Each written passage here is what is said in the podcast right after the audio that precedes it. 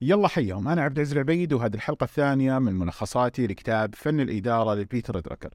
في هذه الحلقة حنتكلم عن نظرية الأعمال، نظرية الأعمال اللي تخليك تحدد أهدافك بشكل واضح ودقيق. الهدف حاجة جدا مهمة لكل مشروع أنت بتشتغل عليه. كثير من الناس لما يدخل في مرحلة الهدف يبدأ يحط أهدافه بشكل عشوائي.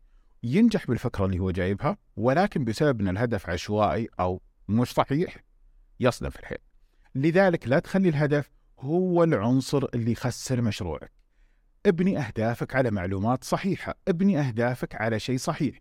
لما تبني هدفك على شيء صحيح ومحدد ودقيق راح تقدر تحدد له خطة واضحة. كل اللي تحتاجه إنك تأسس لك نظرية أعمال خاصة في مشروعك أو نقدر نسميها معادلة خاصة في مشروعك.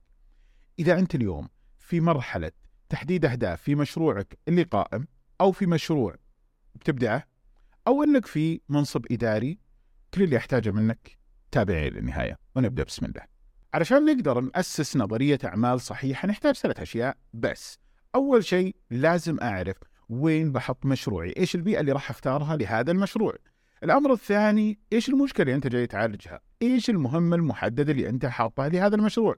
المنتج اللي أنت ابتكرته أو المنتج اللي أنت جبته حيعالج إيش؟ وش المشكلة اللي موجودة أنت بتعالجها؟ إيش الشيء اللي أنت جاي تطوره؟ لازم تعرف مهمتك في هذا المشروع. إيش الشيء اللي أنت تبغى توصله؟ الأمر الثالث وش الحاجة اللي أنت لازم تصير فيها قوي اللي تخليك توصل لهذه الأهداف؟ فراح أتكلم لك في هذه الثلاث عناصر بشكل أكثر تفصيلي. أول حاجة راح نتكلم عن البيئة اللي أنت راح تحط مشروعك فيها. طبعا هنا إحنا ما نتكلم على بيئة الشركة الداخليه لا. أنا أتكلم على بيئة المشروع الخارجية. وين أنت جالس تحط مشروعك؟ هذا المكان اللي أنت راح تحط مشروعك فيه ممكن يكون مسبب في فشلك أو مسبب في نجاحك. نتكلم هنا البيئة الخارجية عن كل حاجة ممكن تأثر في مبيعاتك، في أرباحك، في أي شيء ممكن يخليك تنجح أو تفشل. إيش هذه الأشياء؟ المجتمع. أهم حاجة إني أعرف المجتمع اللي أنا راح أدخل عليه. المجتمع هذا خلينا نفترض مثلا يتكون من ألف شخص، هذول الألف شخص فيهم عملاء خلينا نفترض جالس تبيع قهوة، فيهم ناس 250 يشربون قهوة، هل كلهم بيجونك؟ لا. في منافسين عندك وهذول يعتبرون السوق. السوق جالس ياخذ نسبة وانت حتاخذ النسبة الأقل بالنسبة للسوق، السوق ممكن ياخذ 80 90 95% انت حتاخذ 5%. تقدر تكبر هذه النسبة أو تقللها بناء على الشيء اللي انت راح تسويه. الأمر الأخير التقنية. إيش التقنية اللي انت تساعدك إنك انت تقدم منتج أفضل؟ فمثلا لو جينا مثلا على سبيل المثال في المقاهي، المقاهي طاحوا في حاجة اللي هي ال V60.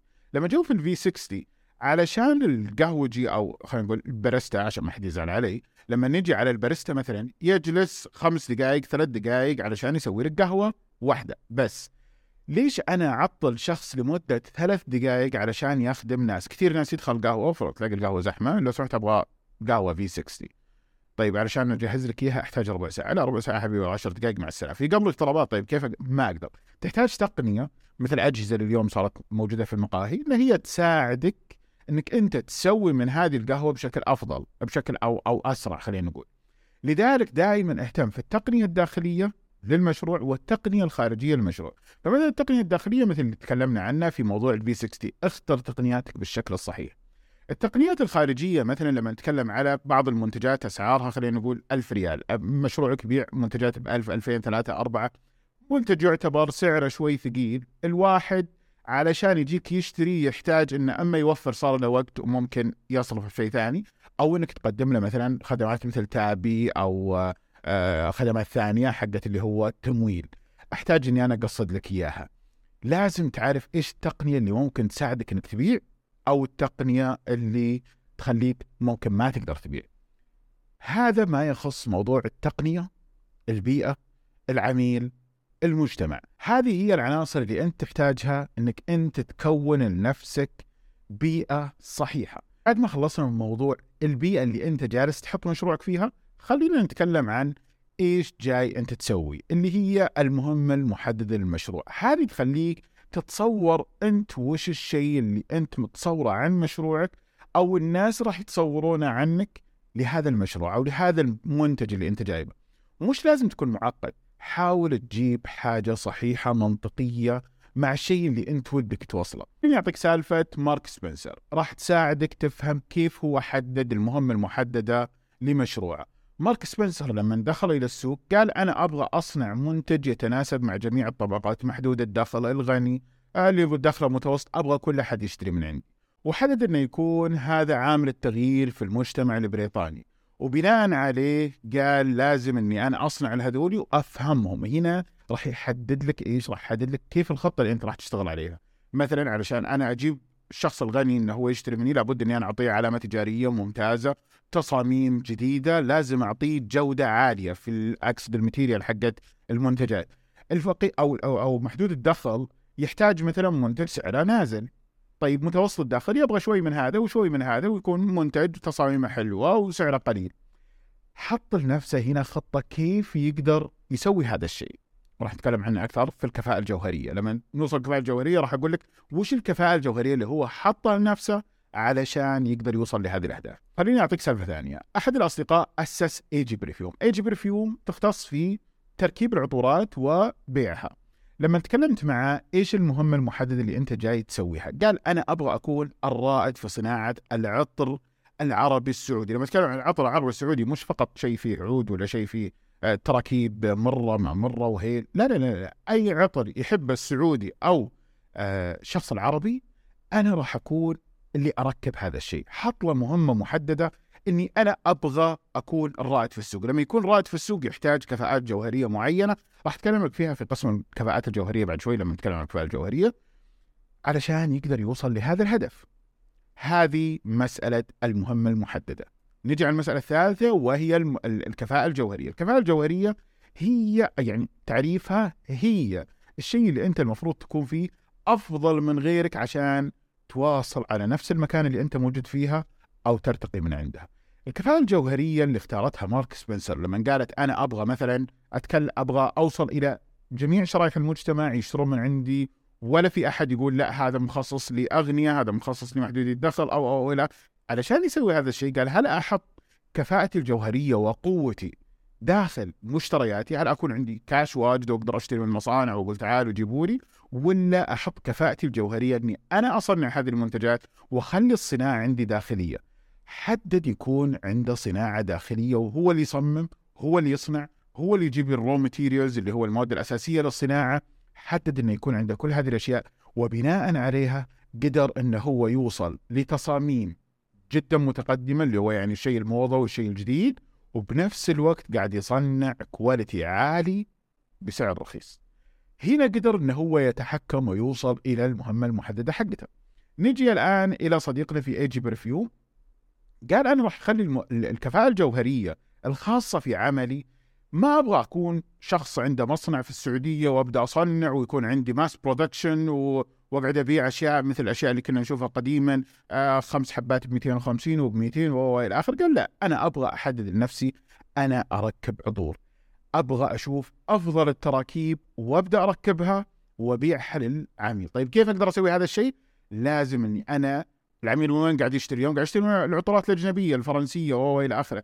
أنا علشان أقدر أجيب نفس العميل هذا اللي جالس يدفع بالعطر 455 650 والى آخره من هذه الأسعار كثير قاعد أقول والى آخره. ولكن علشان أنا أقدر أجيب العميل اللي جالس يبحث عن جودة عالية لازم أصنع بنفس المصانع اللي جالسه تصنع فيها هذه الشركات الكبيرة. ولازم أجيب اللي هو الزيوت العطرية اللي هم يستخدمونها ولكن بتركيبتي الخاصة. تحديد كفاءة جوهرية. عرف وين يحط القوة حقته. آخر مسألة مسألة يعني أو آخر سالفة ممكن نسولفها في هذا الشيء هي اس تي سي اس تي سي شفت مقابلة في أحد البودكاستات للمهندس أحمد زهراء أحمد الغامدي. أحمد الغامدي تكلم قال إحنا اليوم في STC جالسين نوظف ونخلي كفاءتنا الجوهرية في إيش؟ في الموظف في العقلية. كيف أجيب شخص عقليته يقدر يبتكر منتج جديد؟ يقدر إنه يأسس لي حاجات تقنية صحيحة. طبعا STC تغيرت كفاءاتهم الجوهرية بين السابق والآن راح أتكلم عليها بعد شوي. ولكن حددوا إيش الكفاءة الجوهرية اللي هم تخليهم في الصدارة وتخليهم في المكان اللي هم فيه. وإحنا اليوم قاعدين نشوف STC على حد علمي هي الشركة الأولى اللي عندها اليوم صار بنك. أضف إلى هذا الشيء اليوم STC في كثير من الدول في العالم وتلاقيها في هذيك الدولة هي الأولى هي الشبكة الأولى. هذه هي كيف نقدر نأسس لنفسنا نظرية أعمال أو معادلة أعمال خاصة فينا. ولكن انتبه تنخدع إنك تشوف المعلومات حقتها بسيطة. هي فعلا بسيطة ولكن تحتاج جمع معلومات يحتاج فهم للمنتج اللي أنت موجود عندك. لا تبخل على نفسك إنك تجمع معلومات عن منتجك إيش المجتمع إيش البيئة أو المجتمع اللي لازم أحطه فيه. لا تبخل على نفسك إنك تفهم إيش تبغى توصل له ولا تجلس فرضا تتشتت في هذا الشيء. ولازم تعرف علشان توصل لهذا الشيء تحدد إيش الكفاءة الجوهرية اللي أنت تحتاجها. في مواصفات أربع مواصفات ممكن إحنا نشوفها علشان نتأكد إن النظرية أو المعادلة اللي إحنا حددناها معادلة صحيحة. لازم يكون عندي النظرية أو عناصر النظرية الثلاثة هذه لازم تلاقيها متناسقة مع بعضها.